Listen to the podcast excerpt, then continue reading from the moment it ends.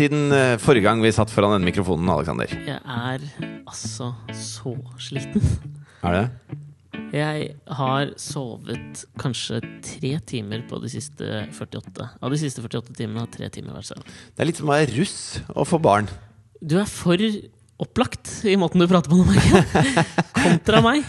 Jo, men, ja, men jeg tenker på det derre Fordi at det, eh, Altså søvn eh, Altså berø... Frarøvelse, er det det det kalles? Ja, berøvelse. frarøvelse. Søvnberøvelse. Nei, Sleep fra- deprivation. Ja, frarøvelse. vel? Frarøvelse av søvn. Det er jo noe man ikke tåler så mye av. Nei. I utgangspunktet.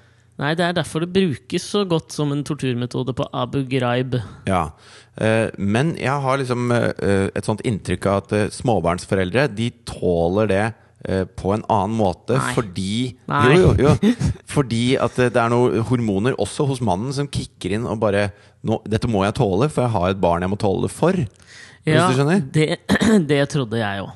For sånn som altså, Hvis vi er på tur eh, og filmer noe greier, og, og du må stå opp så du spretter jo ikke opp av senga akkurat når den klokka ringer, eller når noen står og banker på hotellromdøra di, eller noe sånt. Jeg er ikke en sprette opp av senga-type.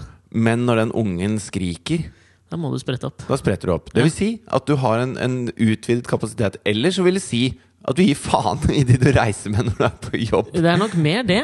Og det er det, ja! Ja, sorry. This guy. Du Ja, gir faen i ja. dette her. Nei, men jeg tror det er noe med Det er jo noe med de liksom urinstinktene i det. Som gjør at jeg Hormoner. Jeg, ja, ikke sant? Jeg veit at når vi f.eks. er ute på tur Du sikter til en episode som skjedde da vi var og filma vårt siste TV-program, hvor vi ramla utpå. Ja, jeg, det har jo skjedd flere ganger at det har vært sånn Nå, nå orker jeg ikke mer. Eh, Nå, stopp nå! Nå Ja. orker jeg ikke mer. Eh, Men da veit man at liksom showet ruller videre. Altså dette, Denne TV-produksjonen tenker jeg da er på en måte Lady Gagas europaturné. Og hvis Lady Gaga ikke orker å en dag, så bare, noen bare løfter er henne med seg. ja, og så er det noen dansere som kan ta fem Ja, fem de kan minutter. ta fem minutter danseshow. Ja. Det tenker jeg da. Men det veit du at ikke skjer med, med et barn. Nei. Det barnet er ubrukelig. jeg skal gi deg et eksempel på Eller for å liksom da lage dette bildet for lytterne om hvor sliten jeg er akkurat nå. Ja. Da jeg gikk til jobben i går tidlig, så går jeg ut eh, hjemmefra, og e- egentlig Og dette er jo litt stygt å si, elsker dette barnet, altså. Men akkurat da jeg liksom gikk ut hjemmefra, ut av bygården, så tenkte jeg liksom sånn Å, herregud, så digg.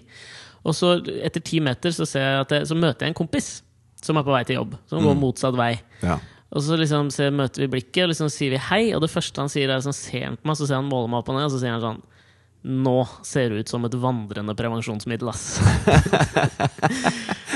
Det må jeg bare Det må jeg anerkjenne.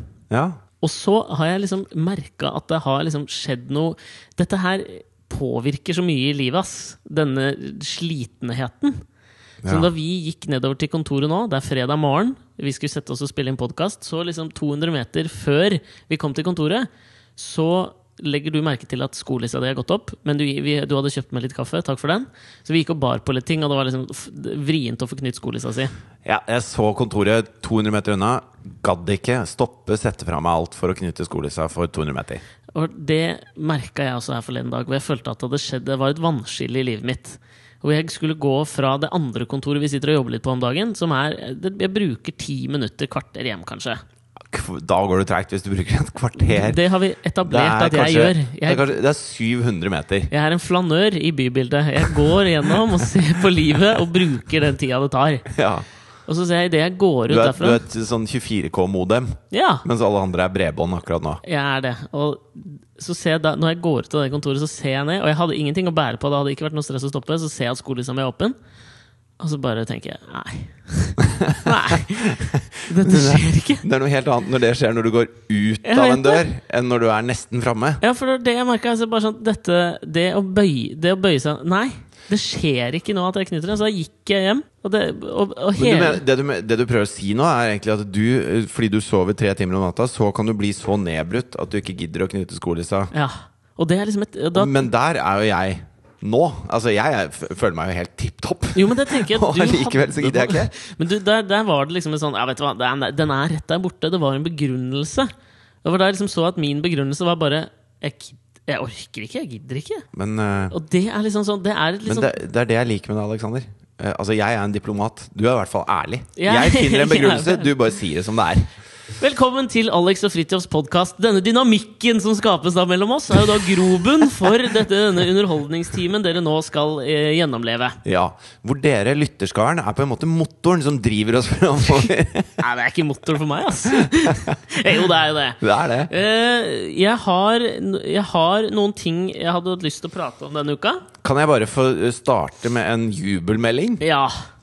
Det er funnet opp en dings som er, ser ut som en slags sånn derre Du vet sånn som de bruker til å måle farten på biler med på veien? Det er en slags sånn um, Speedometer. Ikke inni bilen, men det, la oss si en slags antennelignende med en sånn liten parabolpeketing. Ja, ikke sant? Eh, typ greie. Radar. Ja, det ser ut som en liten radar Ja. eh, eh, som heter eh, CCD. Ok. Eh, det, eh, som det egyptiske militæret har funnet opp. Eh, eh, Overraskende allerede at det egyptiske militæret på en måte har tid til en forskningsgruppe. Ja, Det er en som heter general Abdullah Sisi. Nei, Ja. Ibrahim eh, Abdullah Sisi. Ibrahim. I hvert Ja. fall. CCD har han funnet opp. Ja. Og det, Han funnet det opp. ja, og I det Egypt. står Altså, CCD betyr Complete Cure Device. Ok. Yes. Ja. Denne kan både En ballsy tittel. Å yes, men hør hva den kan, denne lille maskinen. den kan nemlig, Hvis du peker den rundt omkring, så piper den hvis det er noen med aids eller hepatitt C i nærheten. Nei, hva? Og den kan også kurere det! Hæ?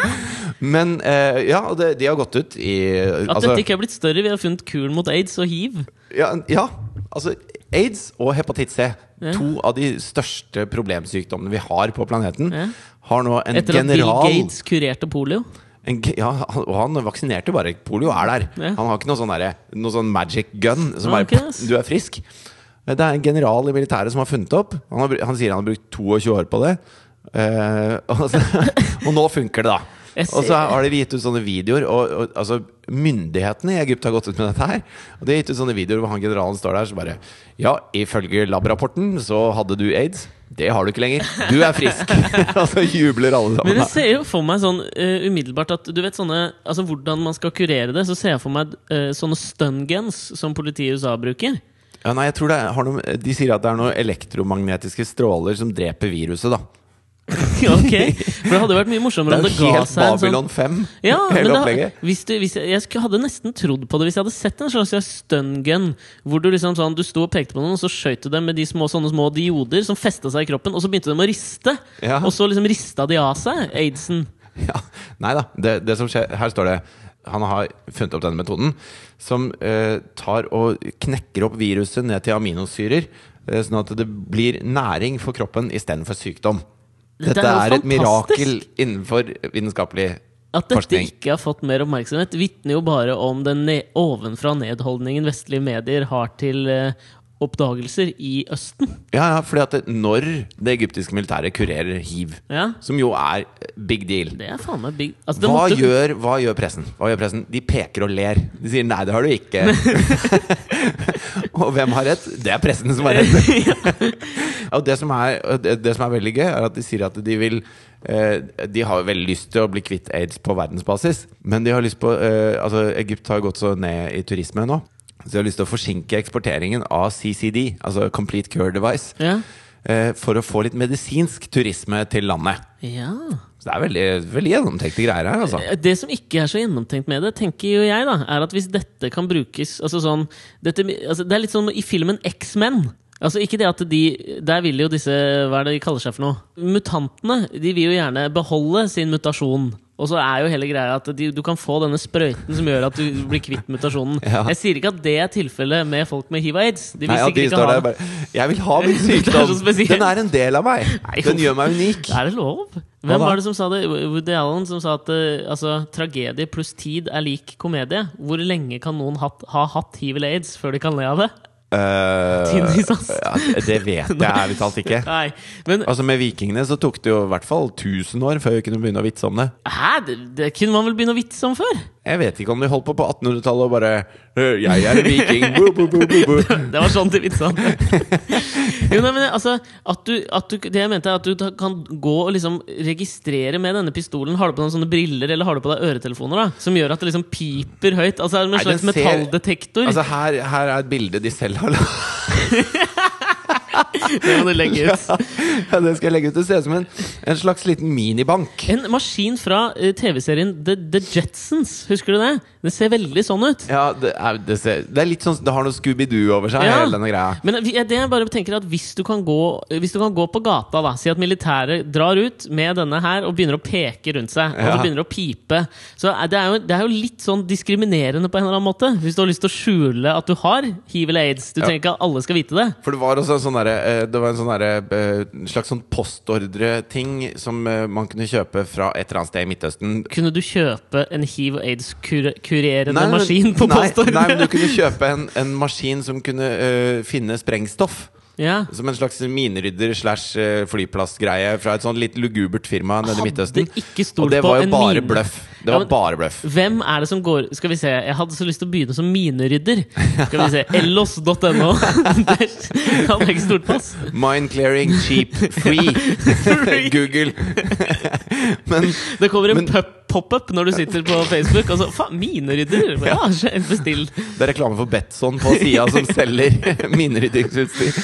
Men i hvert fall, det viste seg bare å være en spøk, og den er veldig veldig lik den maskinen. Ja. Den ser helt lik ut som denne CCD. Men jeg, det, jeg tenker, altså i ytterste konsekvens, da Hvis du har en maskin som du kan gå rundt hvis du kan, Tenk at du kunne kjøpt etter hvert, så går det inflasjon i hiv- og aids-kuren. Ja. La oss håpe det da at de ikke tar patent på det. Det er et stort problem på verdensbasis at store firmaer tar patent på medisiner. Ja. Som gjør at de ikke kommer til fattige land, eller ikke sant? Men hvis dette blir en slags sånn eh, La oss ta utgangspunkt i at dette funker, da. Ja. Ikke Spennende tanke, jeg. Spennende tankeeksperiment. Så har vi jo plutselig et problem hvis folk kan gå og kjøpe seg dette her, da. Det hadde jo vært right up Fremskrittspartiets alley, tenker jeg. Fordi da, jeg ser jo for meg at dette kan utvikles videre. Hvis du er litt usikker på om noen er en del av romfolket, så, så er det en avart av denne her hvor du kan gå og liksom måle etnisitet på folk. Kan måle, da kan du plutselig måle en god del ting. Ja, altså eh, Bare tenk deg alle pornofilmregissørene i California. De må jo få seg sånn som bare eh, ja. Ja. du er frisk. Vi gjør det uten kondom i dag. Vær så god. Eh, Shit! Ja, fordi den ene tingen som jeg hadde Det bør jo være sånn Altså På dassene på Aku Aku istedenfor å ha en sånn kondommaskin, så bør det være, bare være en sånn skanner som du går igjen når du liksom har spandert den siste uh, Volken Altså du har sånne svære drinker der. ja. Når du har spandert den siste drinken, og, og liksom det ringer i bjella, og lyset skrus på, og sånn, så bare skannes alt på vei ut. Sånn at du veit hva du har å forholde deg til. da Ja, men jeg tror nesten ikke jeg hadde stolt på et utested sånn. Men altså, hvis jeg hadde hatt Men det egyptiske militæret som har funnet opp jeg en minibank, det, det Jeg stoler du stoler på. på denne jeg hadde kjøpt på postordre hjem. Sånn at hvis du har med deg en one night stand, så må du Sånn at alle dører hjemme hos folk blir som en slags sånn sikkerhetskontroll på flyplasser. Sånn at du sånn, ja, dette blir spennende å se, men kom inn. Og så går du gjennom, og så piper det eller ikke piper det. Og så da er, liksom, da er det bare å gå ut igjen hvis det piper på den one night stand du har med deg hjem. da Men det som er utrolig, det er jo at eh, dette er jo seriøse mennesker. Ja. Dette er mennesker som styrer et stort, et stort viktig land i verden vår, Mm. som sier at de har funnet opp den dingsen her. Ja. Vi går automatisk ut fra at det er kødd. Ja. Selvfølgelig. ja. For det er jo kødd. Det må jo være kødd. kødd. Men eh, de hadde ikke gått ut med dette hvis de ikke forventet at, det, at de de bryr seg om, ville tro på det. Hvis du skjønner? Ja, Altså, altså de må jo Det er de som bestemmer i dette landet her. Det er de som styrer. Det er de som har pistoler, som kan skyte andre som ikke har pistoler. Og så, og så tenker de at det, Ja, men det, kan vi, det vil gi oss en boost. Sånn, eh, sånn derre eh, stemmeurnemessig. ja. Hvis vi sier at vi har kurert aids og hepatitt C med denne lille maskinen her. Eller tror du de tror det selv? Tror Nei. du de er sånne predikanter i Midtvesten som, som healer folk på scenen? Jeg tror det er én av to. Enten så har de liksom lulla seg inn i den lille kollektive tanken her om at det funker, eller så er det jo helt det motsatte. At de tenker sånn Hvilken helt hårreisende ting kan vi finne opp, sånn at folk skjønner at nå må vi spytte litt penger inn i Egypt? Sånn at de går ut med en ting som er sånn men du spytter Hvis du tenker sånn Disse menneskene er helt sprutgale. Vi gir dem penger. Det er ingen som tenker sånn. Nei, men kanskje at Eller ikke penger, da, men at de tenker sånn her, at, Hvordan skal vi få Vesten til å skjønne at de må, de må komme hit og hjelpe oss? Vi trenger Vi hjelp. trenger hjelp! Ja, nå har de stått og skreket det på Tahir eh. Square i årevis. Det hjelper jo ingenting. Det hjelper ingenting. Men, men når de viser hvor klin hakket gæren de er, Ja. da funker det. Jeg tror det.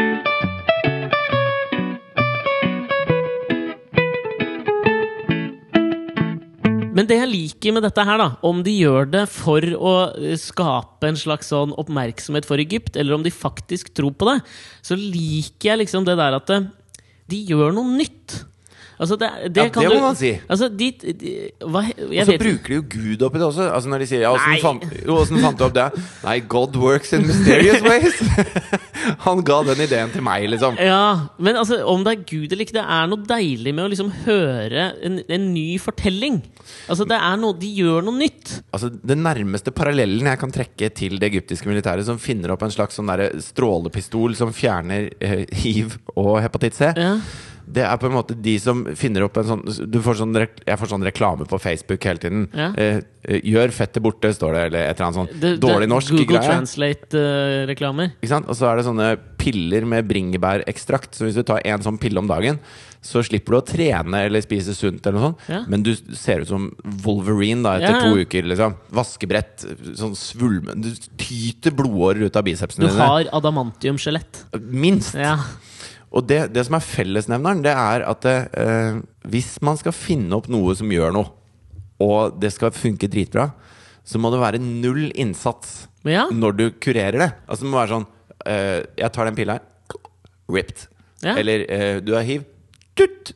ja. Ferdig. Som Nå har du ikke det lenger. Du må, bare, du må bli ferdig med en gang. Det må være null innsats. Det er, det er latskapen eh, rundt hvordan du kureres, som er eh, uspen din. da Ja, ja. Din unique selling point. Vi kan vel alle være enige om det at hvis, hvis de som har hiv og aids, ikke hadde vært så jævla late, så hadde de jo aldri hatt hiv og aids. Det er jo en livsstilssykdom. Hvis du sier det, så. El Assisi. Ja, men jeg reagerer på det fordi altså, det, det som er deilig, er at jeg føler at altså, Jeg fikk en sånn opplevelse av det da jeg scrolla nettavisene. eh, så, så føler jeg at det, at det gjentas så mye. Altså At jeg, jeg leser omtrent det samme hver dag. Derfor syns jeg dette er liksom Om jeg tror på det eller ikke, syns jeg det er ekstremt deilig med noe nytt. da Ja, I Altså, nyhetsmedier er det et- en befriende dusj. Ja, jeg så altså sånn Av en sånn, ljug, da. Jo, men altså, uansett jeg, Kanskje vi skulle hatt litt mer ljug, da? Kanskje det gir liksom en effekt til at liksom noen professorer det er bare en sykdomsfri fyr i verdens rikeste land som sitter i en lilla genser og lager sin egen podkast, som kan si Uansett, bare gi meg litt ljug. Jeg er sikker på at de som står og De som dør av tæring i Nigeria med hiv, de er ikke sånn Ja, bare ljug til meg! Jeg elsker det! Jo, for jeg tenker at Den positive effekten av det er jo at eh, hvis nå dette får litt oppmerksomhet, så vil professorer i medisin som sitter og forsker faktisk på eh, hiv- og aids-medisin, vi får en liten sånn boost. ikke sant? Disse jævla egypterne prøver å hijacke min forskning og bare komme med en sånn dritt. Nå skal jeg faen meg vise dem liksom at det kan, at det kan gjøres noe sånn. Og for meg som liksom mottaker som sitter og scroller nedover. Altså, Fy faen, Jeg blir sånn irritert, og, dette er en sånn kjip sammenligning, for den betyr ingenting. Og det er en sånn ting som du kommer til å reagere på at jeg lar meg provosere av, hvor, du tenker- hvor du kommer til å si Hvorfor lar du deg provosere av sånne småting? Jeg lar meg provosere av det. Men det er litt fordi jeg, jeg er nedtært eh, følelsesmessig. Ja. Og jeg ser, så nå kommer det en ny sesong av det jævla hver gang vi møtes, f.eks. Så de alltid, gir de alltid ut saker i, for, i forkant som er liksom en av sangene som en av disse jævla artistene gjør cover av den andre. Det er jo hele programmet. Jeg forklarte det. Takk for meg. Så hør Samsayas tolkning av Lars Lillo Stenbergs 'Tøff i pysjamas'. Med det i tankene, da, at vi trenger nye impulser. Vi trenger noe nytt. Så leser liksom ingressen Samsaya var kjempenervøs da hun skulle framføre Lars Lillo Stenbergs 'Tøff i pysjamas'. Sitat, Det var utrolig nervepirrende å gjøre låta foran han. Og så følte jeg da Dette har jeg lest før. Så da googla jeg hver gang vi møtes i et sånt tekstarkiv på VG og Dagbladet, og gikk nedover og så på alle sakene som er skrevet om hver gang Blir vi møtes bare navn, liksom? Det er, det, er, det er historien om hver gang vi møtes. Hver eneste artist. Alltid når det skrives om. Så er det da at en arti- X-artist var nervøs før han skulle framføre låten til eks-artist. Men, det dette, men det er jo dette det egyptiske militæret gjør også. Fordi at det, eh, det, Dette er hver gang vi møtes, eh, på en måte. Hver gang vi kureres. Ja, fordi at du har sånn derre eh, Forskere gjør gjennombrudd. Ja. Eh, bla, bla, bla. Og så sitter han eh, Al- Al-Sisi der nede, og så tenker han bare «Ai, Jeg vil ha en bit av den kaka der, liksom. Ja, Hvilken sykdom? Ja. Se det egyptiske militæret kurere hiv. Ja, kanskje jeg tar feil, Ja. altså. Al-Sisi, jeg var veldig nervøs. Det er jo en stor oppgave. Men Gud, Gud works in mysterious ways. Men det hadde jo vært en, en befriende, et befriende innslag, faktisk. I en Hver gang vi møtes-sak. Samsaya, Gud kom til meg og fortalte meg at Tøff i pysjamas var låta jeg skulle gjøre. Da hadde jeg med en gang hadde, Selv om jeg er beinhard ateist da, så hadde jeg nok ikke blitt uh, like sint som jeg ble da hvis hun sa 'jeg er veldig nervøs'. ja, hva annet er det du har blitt sint for, da? I denne forlengelsen da så tenkte jo jeg at det, det er, jeg sitter kanskje i et glasshus når jeg da kritiserer f.eks. da hver gang vi møtes mediene, kaller jeg dem nå, Ja. for å gjenta seg sjøl og ikke lage noe nytt.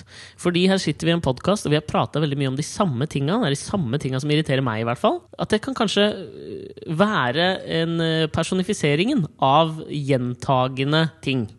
Og så fant jeg ut at øh, det er ikke noe gøy å være selvransakende, så jeg kommer til å være gjentagende i dag òg. For det som har irritert meg denne uka, er to ting i samme, i samme tema, og det er Fremskrittspartiet. Ja. Så det på Skavlan på fredag.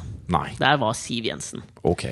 Det er noe med den dama som gjør at jeg får lyst til å spontanantenne meg sjøl. Ja. Nå, Den siste uka så har jeg da sett på intervjuet med Siv Jensen på Skavlan. Og så har jeg sett Christian Tybring-Gjedde, som nå er nylig avgått Oslo, leder av Oslo Frp. Han var på Dagsnytt 18. Og så har jeg med meg to lydklipp okay. som jeg har da tenkt mye på denne uka. Ja. Som jeg tenkte jeg kunne spille av. Så kan vi prate litt om det. Hører du hvordan jeg lager en slags teaser for hva som skal skje? ja. Og så, på slutten, så kommer jeg til å knytte dette opp til en personlig beslutning som jeg må ta i løpet av de nærmeste dagene, som du skal få lov å hjelpe meg med. Og det er en beslutning hvor jeg kommer til å avsløre en del ting som jeg sikkert ikke har lov å avsløre angående det tilbudet jeg har fått. Snurrfilm. Spennende, eller? Veldig spennende. Da starter jeg med å spille av et klipp jeg hørte av Siv Jensen på Fredrik Skavlan. Din mor eh, vet jeg er eh, også stemte Fremskrittspartiet før deg. Eh, det, du beskriver henne som din, den nærmeste i ditt liv.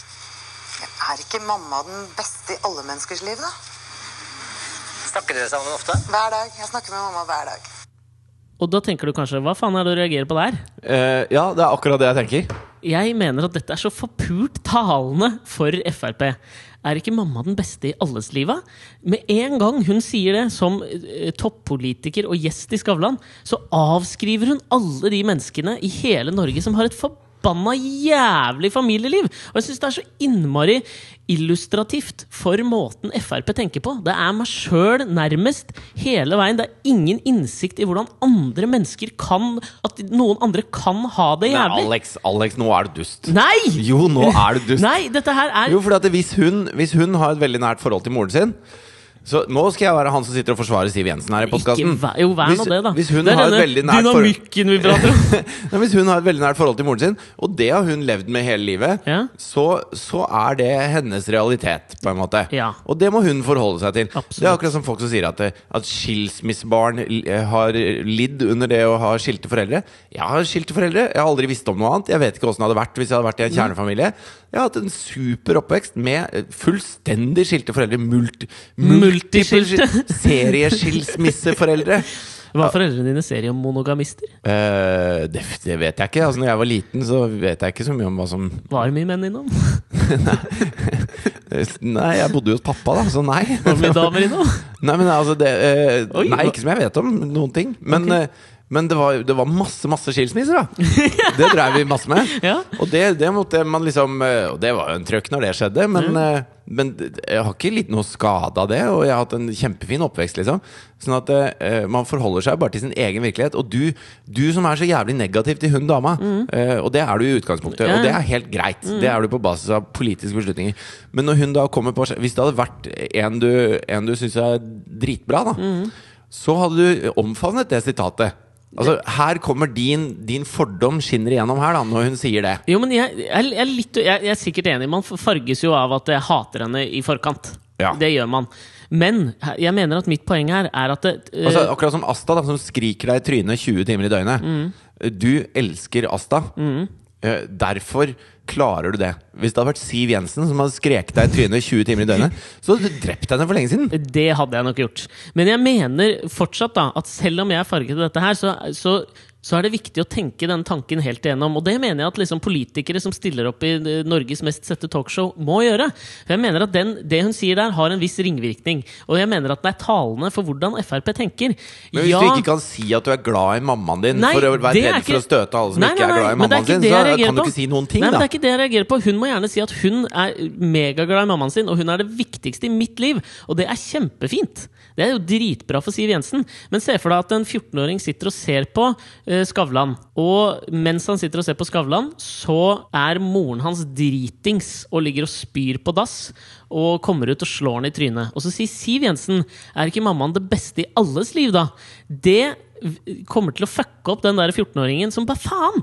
Det mener jeg er liksom talende for FrPs politikk, fordi det viser at man ikke har en At man ikke klarer å tenke utover seg selv. Hvis det er viktig for Siv Jensen, så er det viktig for alle. Og da mener jeg at det Men- viser en så enormt lite empati og forståelse for hvordan verden funker. Det, det jeg syns er spennende med din irritasjon nå, Mm. det er at eh, jeg kan fint bli irritert over det Siv Jensen sa der nå, Ja. men det er av en helt annen grunn. ja, hvorfor det, da? Og, og hvis jeg hadde vært eh, Fredrik Skavlan, så hadde jeg stilt følgende oppfølgingsspørsmål. Hva syns pappaen din om at du syns det? For det Hvor er likestillinga her? Er, er faren din en fitte, da, Siv? Ja, kanskje han er det. Ja, kanskje hun sliter med et svært farskompleks. At det er derfor hun har havnet dit hun er. Ja. Men jeg mener fortsatt at dette her Ja, er det er sånn som små barn holder på. Er du mest glad i meg eller mamma? Du ble utrolig lei deg da Thea sa at hun var mest glad i mamma. Ja, det er dårlig gjort. Ja, det er jo det. Jeg mener at det er et, en, en utrolig arrogant holdning når du sitter som finansminister, og legge det på Eller som et premiss, da. Det mener jeg det der, det der er den samme tankegangen som gjør at hun har lyst til å sette alle rumenere på en buss og skippe dem hjem, som hun sier. Det er nøyaktig den samme tankegangen som funker, bare at det er på et nivå som liksom virker mer spiselig for folk. Det er en sånn retorikk som hvor du pakker inn egentlig noe som er helt feil å si. det der med hjem. Hjem. Hva er hjem? Når man flytter hjemmefra, da. Der hvor du bor nå. Ja. Er det hjemme, Ja, eller ja. er det hos mamma og pappa som er hjemme? Nei, begge deler er hjemme. Ja, for jeg tenker jo sånn Altså Når jeg har flytta, så, så bor jeg et sted, og da er det mitt hjem. Ja. Og det er mange rumenere som har vært her lenge. Ja. Så å skippe dem hjem blir jo tilbake til Ryes plass, da, på en måte, tenker jeg. Altså, hva er hjem? Spennende. Spennende. Hva er den andre tingen Jo, som du skulle trekke fram? da Ikke, ikke, nei, ikke gjør det! Vis meg det nå. Ja, La meg da understreke dette poenget med å vise det jeg mener er liksom grunnen til at Frp kommer unna med dette her. Og det mener jeg Christian Tybring-Gjedde gjorde da han var gjest i eh, Dagsnytt 18. Jeg tror jeg skal bare gi konteksten på hvorfor han sitter her. Var Pontus Kiander, som var direktør i Trondheim kunstmuseum, eller hva nå enn det museet oppe i Trondheim heter, som skrev en sånn eh, en slags kronikk da, i et blad som Trondheim kunstmuseum gir ut, hvor han var innmari kritisk til Frp og den slags eh, den høyrepopulistiske bølgen som sprer seg over Europa. Kan jeg bare få si en, en morsom ting om kunst? Ja, gjør det. Damien Hirst hadde laget et verk som skulle vise kunstens forfengelighet. da Damien Hirst, en britisk samtidskunstner som kanskje er mest kjent for å ha delt den kua i to og satt den på formaldehyd. Ja, Og Eh. kanskje også den der hodeskallen med masse diamanter. ja Dette kunstverket het eh, eh, Jeg tror det het noe sånn 'Sen kveld på jobben' eller noe sånt. Jeg Hva- tror du mener Senkveld med Thomas og Harald. Ja, på jobben. Ja. I Sotsji. Eh, og det besto på en måte av eh, alle de tingene man har rundt seg når man har jobba altfor lenge. da Ja. Så det så egentlig ut som et, et rotete kontor med masse takeaway-beger og, og liksom rot og søl og, og drit. Og det, han skulle liksom vise den der Altså, han skulle illustrere følelsen du har av når du har, når du har flytta inn på jobben, liksom, Ja. og, og trenger å komme hjem. Og så når du endelig da reiser deg og bare forlater det kaoset jobben din er. ja. Og så eh, åpnet utstillingen, og da var det verket var borte. Hæ? Det var helt vekk. Men dette høres ut som en installasjon, liksom. At det var i et rom. Ja, det var jo i eh, et galleri, ikke sant? Mhm. Hvor da på en måte Det var en sånn, sikkert en sånn snor rundt, og så sto Ja, ja. det liksom uh, Do not touch the mess. ja, Altså sånn sen kveld på jobben, eh, dette er det det er, på en måte. Fordi at da har jo vaskehjelpa vært der, da, vet du. Og rydda vekk hele dritten. Og det må jo vært flere hundre tusen pund, dette verket. Så hun hadde bare pælma det, rett og slett. Hele dritten. Og vaska og støvsugd og gått hjem og vært storfornøyd. Og det at dette verket er der for å vise ikke bare vår forgjengelighet, men kunstens forgjengelighet, Ja. gikk jo opp i en ny eh, Altså, det, Ja, det det, var i tredje potens, da. Det er jo faktisk en, det er jo en performance, det der. Ja, det var så forgjengelig at det ble faktisk rydda vekk dagen før åpning av eh, Ja, tenker, Galleriet. det, en bedre eh, et bedre kunstverk, hvis man kan si det, hadde jo vært under liksom, galleriåpningen, så står det en dame og rydder opp. Altså at du hadde en vaskehjelp. Men da er det litt som når det er sånn tilbud på de 50 første TV-ene på Lefdal. Da må du stå i kø der da for å få det med deg. Ja, eller at, han, eh, at, at Damien Hirst hadde sittet på det kontoret og kontinuerlig rota mens hun rydda opp. Så hadde du fått vi, Da hadde du liksom også vist liksom det- verdens gjentagende altså Ja, det, det bildet hadde historiske- vist noe helt annet. Ja. At rike, vellykkede Damien Hirst Hvite menn. ja, Rike, eh, aldrende hvite menn fra Storbritannia sitter og bare kaster søppel rundt seg, mens det går en sånn Filippinsk, ser jeg for meg. ja, en filippinsk dame og rydder og vasker rundt hele tiden. Det viser jo ikke kunstens forgjengelighet. Nei, men det viser er en sånn zeitgeist, tenker jeg. Et mye bedre kunstverk. Kan man si det? Kan man måle det sånn? Ja, ja, det er klart han Damon Hirst er ikke så flink. det er du som er flink, Alex. Det er du som har den, den intellektuelle kapasiteten til å lage god kunst. Performance-kunst. Jeg kan ikke male, men jeg kunne laget en del installasjoner, tror jeg. Altså Den derre rote på kontoret-kunsten, den tror jeg mange av oss kunne laget. Ja, ja. Ja. Skal jeg da spille av dette klippet som jeg mener eh, viser hvorfor Frp kommer unna med denne retorikken? ja. Christian Tybring-Gjedde på Dagsnytt 18. Du, får Nei, nå, nå, nå kan, nå Du kan kan- du tie stille litt. Grann. Jo, nå kan Ok, du men stille. Dette er ikke så veldig konstruktivt. Ok, Tybring-Gjedde, slipp til litt, og så skal han få svare etterpå. Ja. Om du har rett eller feil, om det er likegyldig. Men det er ikke likegyldig for meg, som har både fått drapstrusler og blitt syk og hatt uh, eleptiske anfall på bakgrunn av den type beskyldninger fra andre i norske media. Så for meg er det ikke likegyldig. For deg er det sikkert det, men for meg er det ikke det. Men hva er det han skriver kan- som ikke du mener at en museumsdirektør skal kunne skrive i et vårprogram, da? Ja, altså, jeg, Hva har det med kultur å gjøre i det hele tatt? Det kan jo stille seg, men det bryr meg egentlig ikke noe om. Det er så vondt for meg personlig når den type så- sårende ting kommer, for det er meg personlig han angriper. Og det er Han sier vel ikke ditt navn? Nei, det? men det er en, er en 20-30 stykker i Fremskrittspartiet som er aktive i, i politikken, og de er 20 stykker på Stortinget, og det er en 10-15 stykker i regjering. Han snakker om dem, han snakker ikke om en medlem i Østfold som ikke har sagt et ord. Jeg ser jeg blir provosert bare fyren åpner kjeften. Jeg fikk et eleptisk anfall, jeg nå. Her er jo da poenget at han har skrevet om Frp, og så inntar da Christian Tybring-Gjedde det jeg mener er liksom helt sånn symptomatisk og så utrolig forutsigbart som Frp gjør. Det er at eh, han inntar liksom den her offerrollen om at når en person skriver om Frp og en slags sånn en bølge av høyrepopulisme i Europa, så velger da Christian Tybring-Gjedde å vri dette om til at Hør her nå, nå blir jeg veldig såret personlig fordi du angriper meg her. Ja. Og det, altså, det provoserer meg så langt inn i margen, da. Fordi det, det er liksom det samme som om disse egyptiske generalene som hadde funnet opp hiv-aids-maskinen Ja. de steller, altså, Så sier de Hadde de sagt eksempel da eh, Vi hater alle som har hiv eller aids, derfor har vi funnet opp denne maskinen. Så hadde noen da svart med at eh, Vet du hva, vi tror ikke noe på dere, dette er bare makkverk. Og så hadde de sagt jeg blir utrolig såra. Du stigmatiserer oss. Dette er jo helt jævlig. Det er jo det som skjer. Altså, Hvis Frp skal hive rundt seg med at vi skal busse hjem rumenere Alle rumenere er kriminelle, de må busses hjem. Ja. Og så får du kritikk. Ja, vet du hva? FrPs tankegang syns jeg er ganske jævlig. Så, bli, så inntar du en offerrolle og sier at du blir såret og stigmatisert. Det er en dobbeltmoral ut av ville helvete! Altså, jeg blir så forbanna! Jeg er helt, jeg er helt enig i det. Og det syns jeg er mye verre enn at Siv Jensen liker mora si. Jeg, jeg bare syns det er to sider av samme sak her. Fordi det er liksom man sniker, man sniker dette inn. Det begynner med at alle elsker mammaen sin. Som i utgangspunktet, jeg skjønner det, det høres ut som et sånn helt uskyldig og fullstendig irrelevant eksempel. Men jeg mener at det er, liksom, det er der det begynner. Man sniker inn gjennom morsmelka til folk. At det er greit å Ja, så liksom bruker man sånne platte eksempler. Da. Det er sånn som når, I Drammen i fjor så ble Muhammed var da det vanligste guttenavnet. Ja. Altså, det flest barn het, var Muhammed. Mm. Av de som ble født i fjor.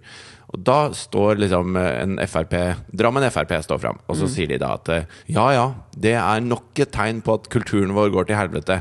Ola og Kari kommer kanskje aldri til å bli de mest brukte gutte- og jentenavnene. Nei, og takk og, lov for det, da! Hvorfor det? Tenk ett hakk videre. Innenfor muslimsk religion så er det eh, riktig å kalle barnet sitt Muhammed. Mm. Det er ufattelig mange som heter Muhammed. Mens innenfor vår norske kultur, som de har lyst til å beskytte på, på, for alt det er verdt, så er det et poeng å være kreativ i navneveien. Det er, det er en kulturforskjell hva, hva er det de egentlig kritiserer da? Er det den norske kulturen de kritiserer? da? De må jo bestemme seg for hva faen de kritiserer. Ja, og det, dette er også Du har kalt datteren din Asta.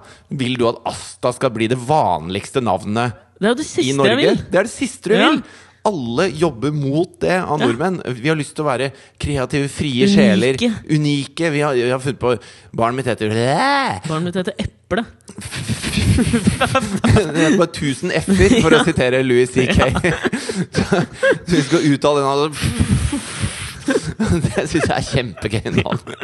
Men, men det er jo bare sånn herre Alt er på feil premiss, da.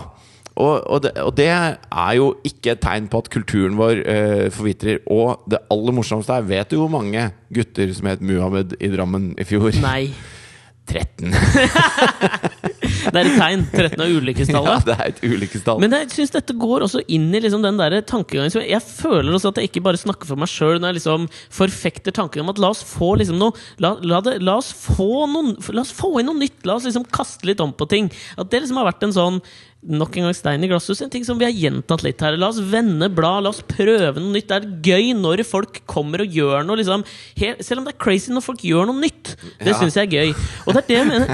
Jeg kom på en morsom historie om en som gjorde noe helt nytt. Ja, la meg bare ta kjapt den, så skal du få den. Okay. Og da, da jeg mener at Det er det som kanskje jeg har liksom eh, nå gjenkjent som mitt største problem med Frp. At det er jævlig sånn konservativt. At vi, eh, at vi tror nødvendigvis at siden det alltid har vært sånn her, da er det best. Jo, og det er Jeg altså, det skjønner ikke det der konservativt. Konservativt betyr jo å konservere. Mm. Men jeg syns at det eneste de konservative prøver å gjøre, er å forandre virkeligheten til sånn den var. Ja. De aksepterer på ingen måte den virkeligheten som eksisterer. Og jeg, jeg mener at man er nødt til å tenke litt mer på andre. Jeg ble tatt i det her om dagen. At jeg, jeg evnet ikke å tenke på andre. Okay. Og, da, og det var litt sånn eye-opener for meg.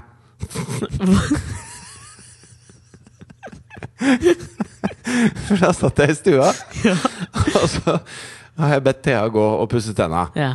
Så står hun inne på badet og pusser tenna, og så hører jeg plutselig sånn dunk, plank!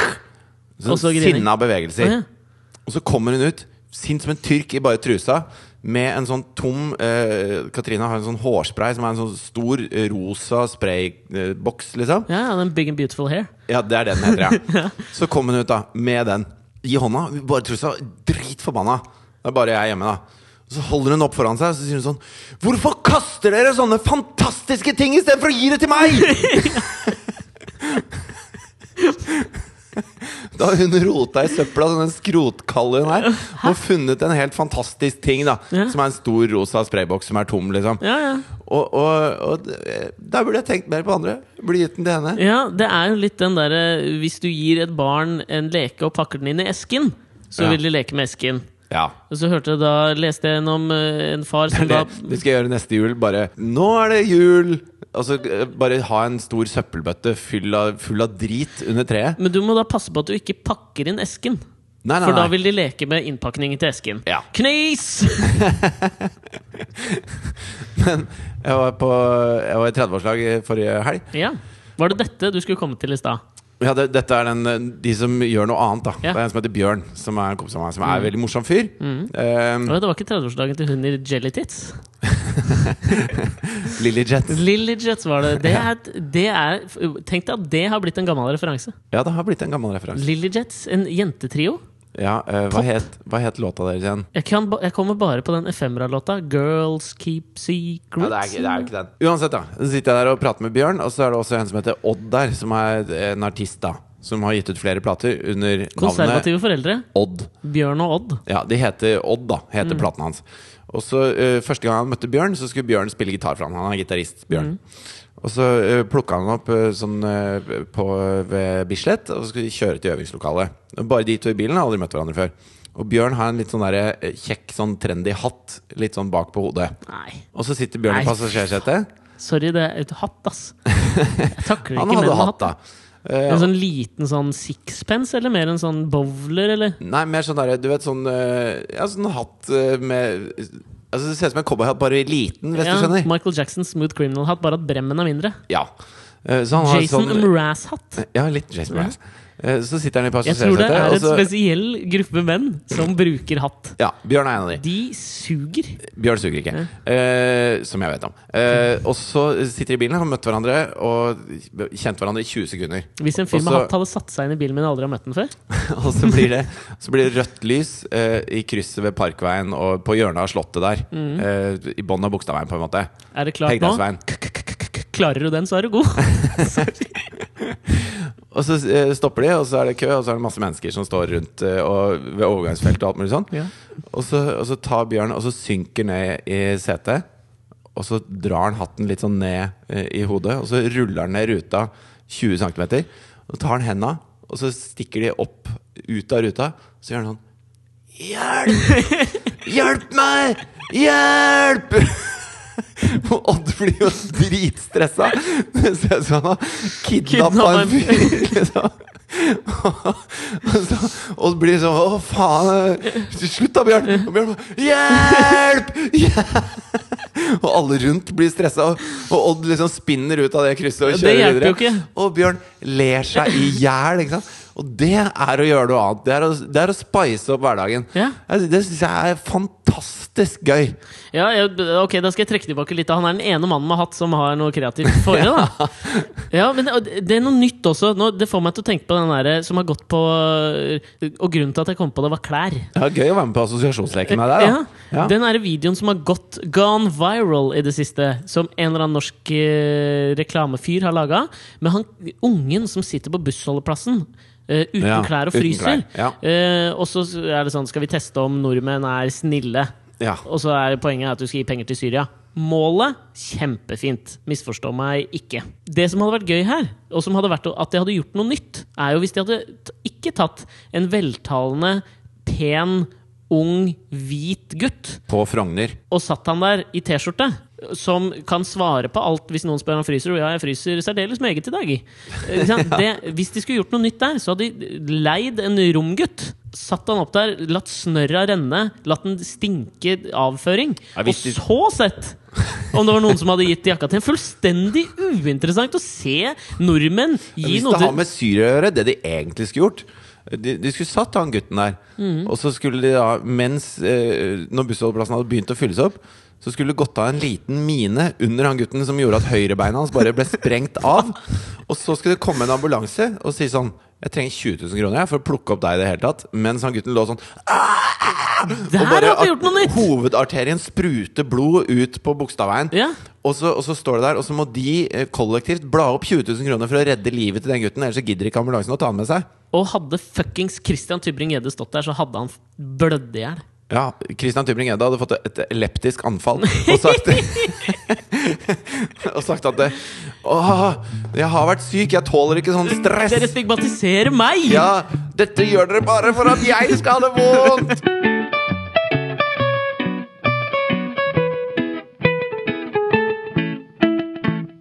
Jeg sa jo at jeg skulle komme til en ting. Eh, gjennom disse to eksemplene og min fordømmelse av Frp. Ja, for du har truffet en beslutning. Nei, ja, nei Du skal jeg, slutte å stemme. det skal jeg gjøre. Ja. Jeg skal ta en Russell Brand. Ja. Nei, du, det, det som skjedde, var at jeg fikk en telefon eh, tidligere i uka fra en som kasta til Firestjerners middag. Ja. Og jeg er ganske sikker på at når man er i den prosessen jeg er i nå, at man blir spurt om Firestjerners middag, får tilsendt en liste med forslag over navn, og blir liksom skissert opp hvordan det vil være å være med i Firestjerners middag, så er jeg 99,9% sikker på at de ikke vil at man skal prate om det. ja, det kan jeg regne med. Jeg, jeg tipper jeg er underlagt en eller annen At det er en innforstått klausul her om at man ikke skal prate om Du det. skal ramse opp de navnene som er der? Ja, det kan jeg godt gjøre, for jeg tenker at nå må vi ha noen nye historier. Ja. Så Da bryter jeg den. Ja. Og så bare byr jeg på det. Okay. For det er noe nytt. ja. Og så koker det ned til da én beslutning jeg må ta. For det som skjedde var at uh, Du har sikkert fått den forespørselen du òg. Ja, ja, ja. Vi har jo fått den forespørselen en god del ganger. Ja. Jeg, altså Første gang vi reiste ut på Gøy på landet, ja. da vi var i type sånn bygd nummer to, så fikk vi begge en telefon. 'Hei, dere skal på TV. Vil dere være med i Fire stjerners middag?' Ja. Hvor jeg da skjønte hvor lista lå, på en eller annen måte. ja. du, Og det er jo sånn når jeg ser på det òg. Jeg kjenner jo ikke igjen halvparten. Jo, det er nøyaktig halvparten man kjenner igjen. De passer Ja, alltid på å ha ja. minst to stykker man kjenner igjen. Ja. Og da, kan, da har de litt sånn slingringsmonn på resten. Jeg kjenner ikke igjen den andre halvparten. Eh, så nå har vi fått en telefon igjen. Det har ikke klaffa for oss hittil. Jeg har jo personlig vært veldig skeptisk til å være med på sånne program. Jeg skulle jo være med eh, altså De ville at jeg skulle reise til London og være med sammen med Samantha Fox, tror jeg. Og Christian Strand. Og Christian Strand. Norges mest mangefasetterte og spennende programledertype. Christian Strand har starta matblogg. Nei, hva ikke nå? Han har det. Hvorfor det? For uh, å blogge om mat. Nei, men i svarte faen. Jeg trekker det tilbake. Han er Spennende fyr. Han gjør noe nytt. Han gjør noe nytt. Da kan jeg ikke klage. Nei. Nei, så Nå fikk jeg en, en telefon igjen, og altså, cashflowen for Nyhagen om dagen er ikke akkurat eh, Det flyter ikke over av cash. Det bugner ikke. Nei, det gjør ikke det. Så jeg tenkte liksom sånn Koster å kjøpe sånn Bugaboo barnevogn. Koster som bare faen! Ja. Jeg kjøpte forresten Mountain Boogie Urban Jungle. Hvis dere er der ute, Babyshop eller Barnas Hus, det er bare å kaste inn litt spenn og sponse her, så skal jeg nevne alle produkter jeg kjøper. Det er så misvisende navn på en barnevogn. Hva var den het for noe? Mountain Boogie Urban Jungle. Ja. Det, det, da prøver de å si at denne kan du ha med deg hvor som helst. Ja, det Det kan du ikke. Det er løgn. Ja. Det er løgn med en gang. ja, Men tilbake til da Firestjerners middag-forespørselen. Mm. Du skal ikke være med denne runden, eller? Eh, Jeg husker ikke hva jeg sa, jeg. Eh, For å være helt ærlig. Nei. Nei, fordi da, Det var en veldig blid og hyggelig dame som ringte meg, så dette står ikke på henne. Nei, nei. Det skal ikke være noe med henne. Og nå eh, ser jeg jo for meg at jeg kan risikere å bli ditcha ved at jeg nå outer dette jeg skal oute. Ja. Men så mye betyr ikke for meg. Jeg må være helt ærlig. Jeg har jo i utgangspunktet ikke lyst. Nei, Men vet du hvorfor jeg ikke har lyst? Nei. Eh, Det er den den kommentatorstemmen. Til Anders Hatlo. Du Anders har jo Hatlo. en brokete fortid med Anders Hatlo. Ja, jeg, Anders Hatlo har jo vært en, eh, en eh, Erkenemesis, Ja, en liten erkenemesis i showbusiness for meg. Ja. Jeg tror ikke han husker det sånn eh, lenger. Men eh, han satte noen arr i meg som barn som Ja. eh, ikke har grodd ennå. Ja, ikke sant? Og jeg syns at han gjør det litt ennå, for at eh, han eh, sier hva folk skal si før de sier det, og i munnen på de som sier det. Ja. Uh, og det for meg er dårlig historiefortelling, da. Jeg tror det er liksom ment som humor, men jeg skjønner hva du mener. Ja, og, og jeg, nå har de laget De er jo midt i sesong eh, 2347 av Fire stjerners middag. Yes. Sånn at eh, jeg føler at Anders prøver også å gjenoppfinne kruttet. da Så Ja. det han gjør for å gjøre det enda morsommere, er å snakke enda mer i munnen på folk. Altså Ja. bli enda mer irriterende. Jo, men det, det er, der mener jeg at et godt eksempel på at der skjer ikke noe nytt. Det er ikke en ny Anders Hatlo gjenoppfinner ikke seg selv. Han vender ikke blad. Det er det samme, bare mer av det samme. Ja, Du kan ikke gjenoppfinne gjenoppfinne kruttet når du aldri har vært krutt, Anders. Nei. Hva kan det ha vært da, som ligner på krutt? Mm. Bruspulver er det han har vært. Det- Han, han smelter på tunga, og det er litt irriterende følelse i munnen. Men det er ikke noe Men så blir det bare borte. ja. Og sitter igjen med en emmen bismak. Emmen! Sjelden brukt ord. Nei, altså, det, fordi det som, det som skjedde da, da jeg pratet med denne castingansvarlige, eller hva hun var, da, var jo at uh, hun skisserer jo opp noen, uh, noen mulige konstellasjoner og litt sånn. Fordi det jeg, det, det jeg sier til henne da, er jo at uh, jeg er i utgangspunktet skeptisk til å åpne døra hjem. Jeg veit ikke om jeg har lyst til å ha folk hjemme hos meg, liksom. Nei. Og nummer to, jeg er veldig veldig redd for å liksom havne med tre andre folk som jeg bare ikke liker. Og som jeg ikke har lyst til å liksom eh, forbindes med. Det er vel mer det, at du tenker på ditt kredible image, enn at du ikke liker dem. Du liker jo stort sett folk. Ja, jeg liker til det motsatte er bevist, så misliker jeg folk. Ok. Ah, Sånn er jeg blitt. Nei, jeg er ikke det. Nei, du er ikke jeg det det liker folk, jeg Det er liker folk veldig godt. Jeg Ja. bare å tøffe meg opp. Jeg Ja. gjør ikke det i det hele tatt. Liker folk veldig godt. Men det som jeg syns var gøy, da, det var jo at eh, hun spurte litt sånn om typer. Altså, er det noen spesielle liksom, yrkesgrupper som du kunne tenke deg å sitte sammen med? Eh, og så sa jeg sånn, ja jeg har ikke noe lyst til å sitte sammen med skøyteløpere, sa jeg. Fordi det er, jeg, da kan jeg ikke prate med dem. Det er det kjedeligste jeg veit. Bøkko er fyrverkeri. Bøkko eller bøkko? Eh, Potato, potato, Ja. sier noe her. Men så sa jeg liksom Nei, faen, noen politikere hadde vært gøy, sa jeg. Altså, eller noen folk som jobber med TV, noen som jeg kanskje har en liten relasjon til, hadde vært gøy, sa jeg. Og det første forslaget som da kommer opp fra Ja. henne, det er drumroll Per Sandberg. Og jeg tenkte sånn der er, det, der er det et valg jeg må ta. Når jeg nå har sittet i hvor, Kan du ikke gjøre det? Hvilken podkast er Det dette? er mye fettere hvis du gjør det. Ja, det er det, det er det jeg lurer litt på. Og så, og så er du han som alltid prater på dette volumet! Uansett! Hei, Per Sandberg! Fordi, Hva sa du?! Altså, det- Later du som du er tunghørt? Hæ, hvorfor det? For å plage Per. Bare for plage? Ja, du, du skriver bordkort. Du skal alltid sitte ved siden av Per. Ja. Skal du alltid prate sånn til han?! Ja, fordi jeg tenkte på dette her altså, nå har vi brukt, Hvilken podkast er dette? 79? 80? 79. 79. Jeg føler at jeg har brukt 75 av dem. Så har vi liksom vært innom Per Sandberg, og hvor mye vi hater Per Sandberg. Ja! Ja? Ja!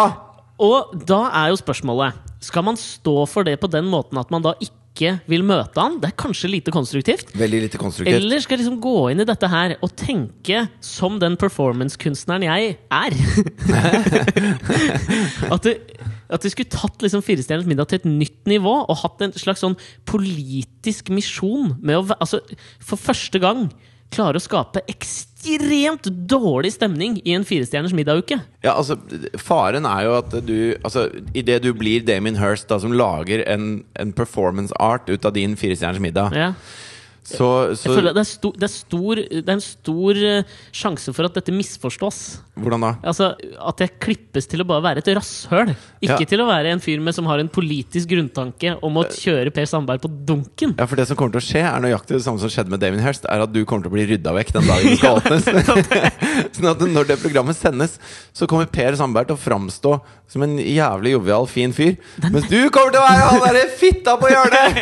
Det er det jeg frykter, da. Så jeg, jeg, altså, jeg heller jo mot å si nei til akkurat den der med Per Sandberg. Ja. Men jeg har jo fått Det, hadde del altså, det er måter du kan gjøre det sånn at de er nødt til å ha det med. ja, Hvordan gjør det? For eksempel hjemme hos deg. Ja. De kommer på middag. Mm. Du sier ikke hei. det er bra start. Du sier ikke hei. Jeg klemmer Vendela Kirsebom og Det må være en dame. Nei, men det, være, det skal være to damer og to menn. To damer. Vendela Kirsebom og Victoria Silverstedt. Bra firerband, ass! Bra cast! Jeg skulle jobbe som kaster, vet du.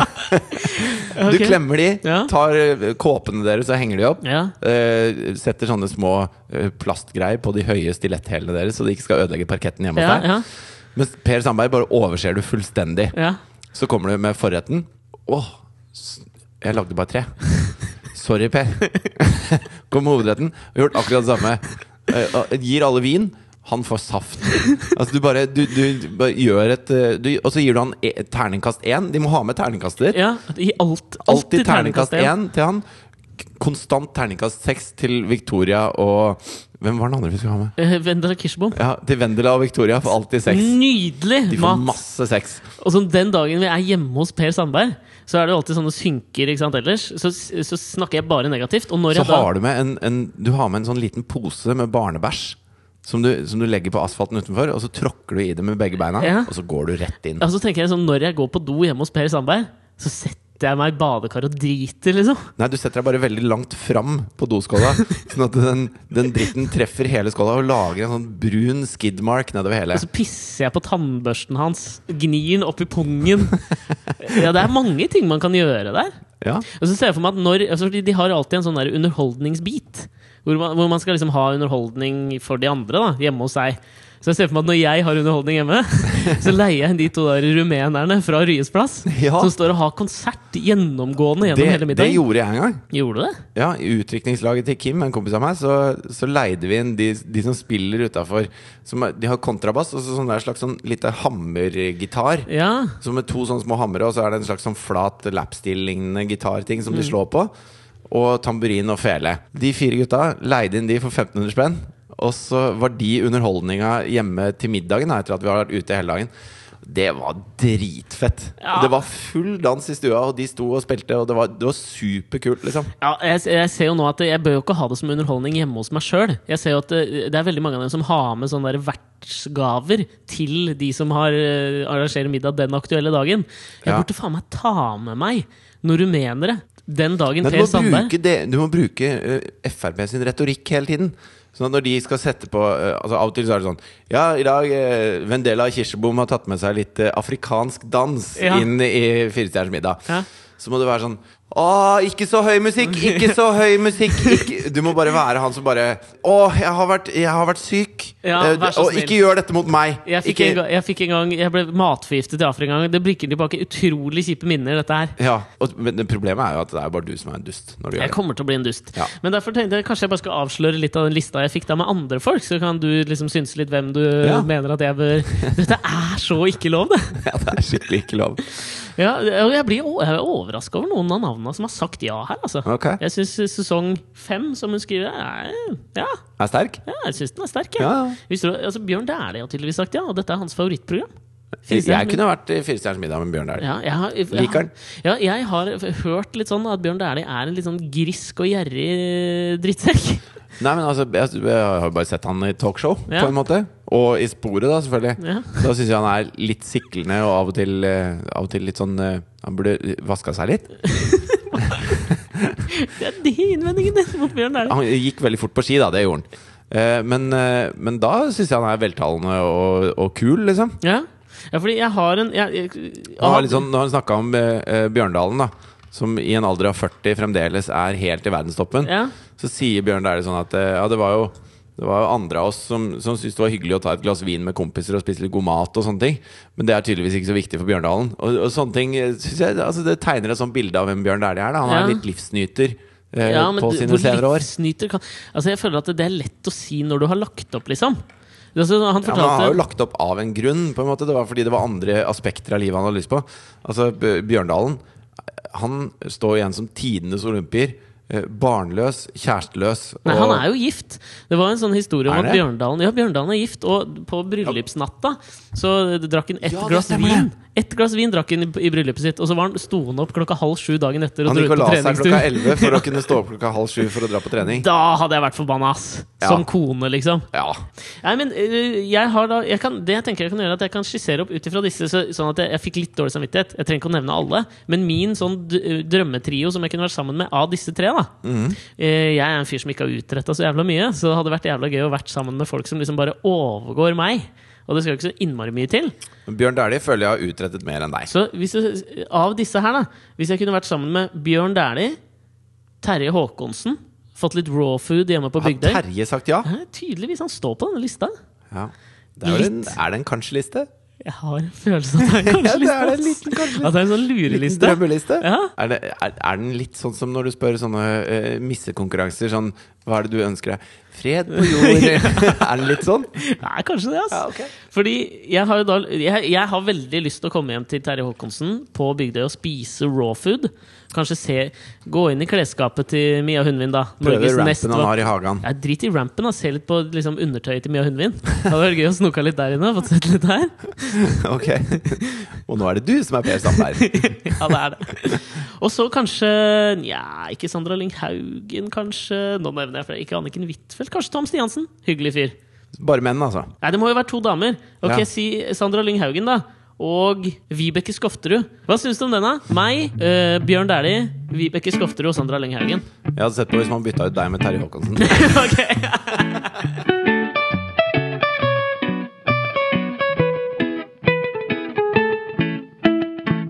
Neste uke i Alex og Fritjofs podkast så skal vi ha en gjest. Nei! Jeg, Jeg vet ikke hvem det er ennå. Jeg fant det på nå. Skal vi ha gjest neste uke, eller? Ja. Røffe det opp litt? ja, det er det som er så deilig. Vi må fortelle nye historier. Vi må La oss fortelle nye historier. Finne på noe, det er nye historier, så har vi hatt 14 gjester før. Men uh, da må vi pønske ut noe nytt. Da Altså Da må det jo være en ny type gjest. En ny type gjest. Ja Dere kan jo sende oss litt mail på Alex og Fridtjofs uh, podkast at gmail Hva faen er mailen vår igjen, da? Alex og Fridtjof at gmail.com. Ja, Alex og Fridtjof at gmail.com. Ja. Eller så kan du skrive på Facebook eller eh, Instagram hashtag en gjest eh, som du Ja, ja. vil at skal være i programmet Ja, med det er, det er smooth. at hal For da Alex og slipper, Fritjof. fordi det som er så jævlig dritt med sånne ting, er å ringe og spørre folk. Jeg syns det er så jævlig kjedelig.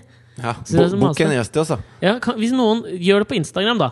Gå inn, og så tar du et bilde av når du ser på, på Nei, når du hører på podkasten, tar du et bilde av det du gjør, og så, og så atter du den personen du har lyst på som gjest. Ja.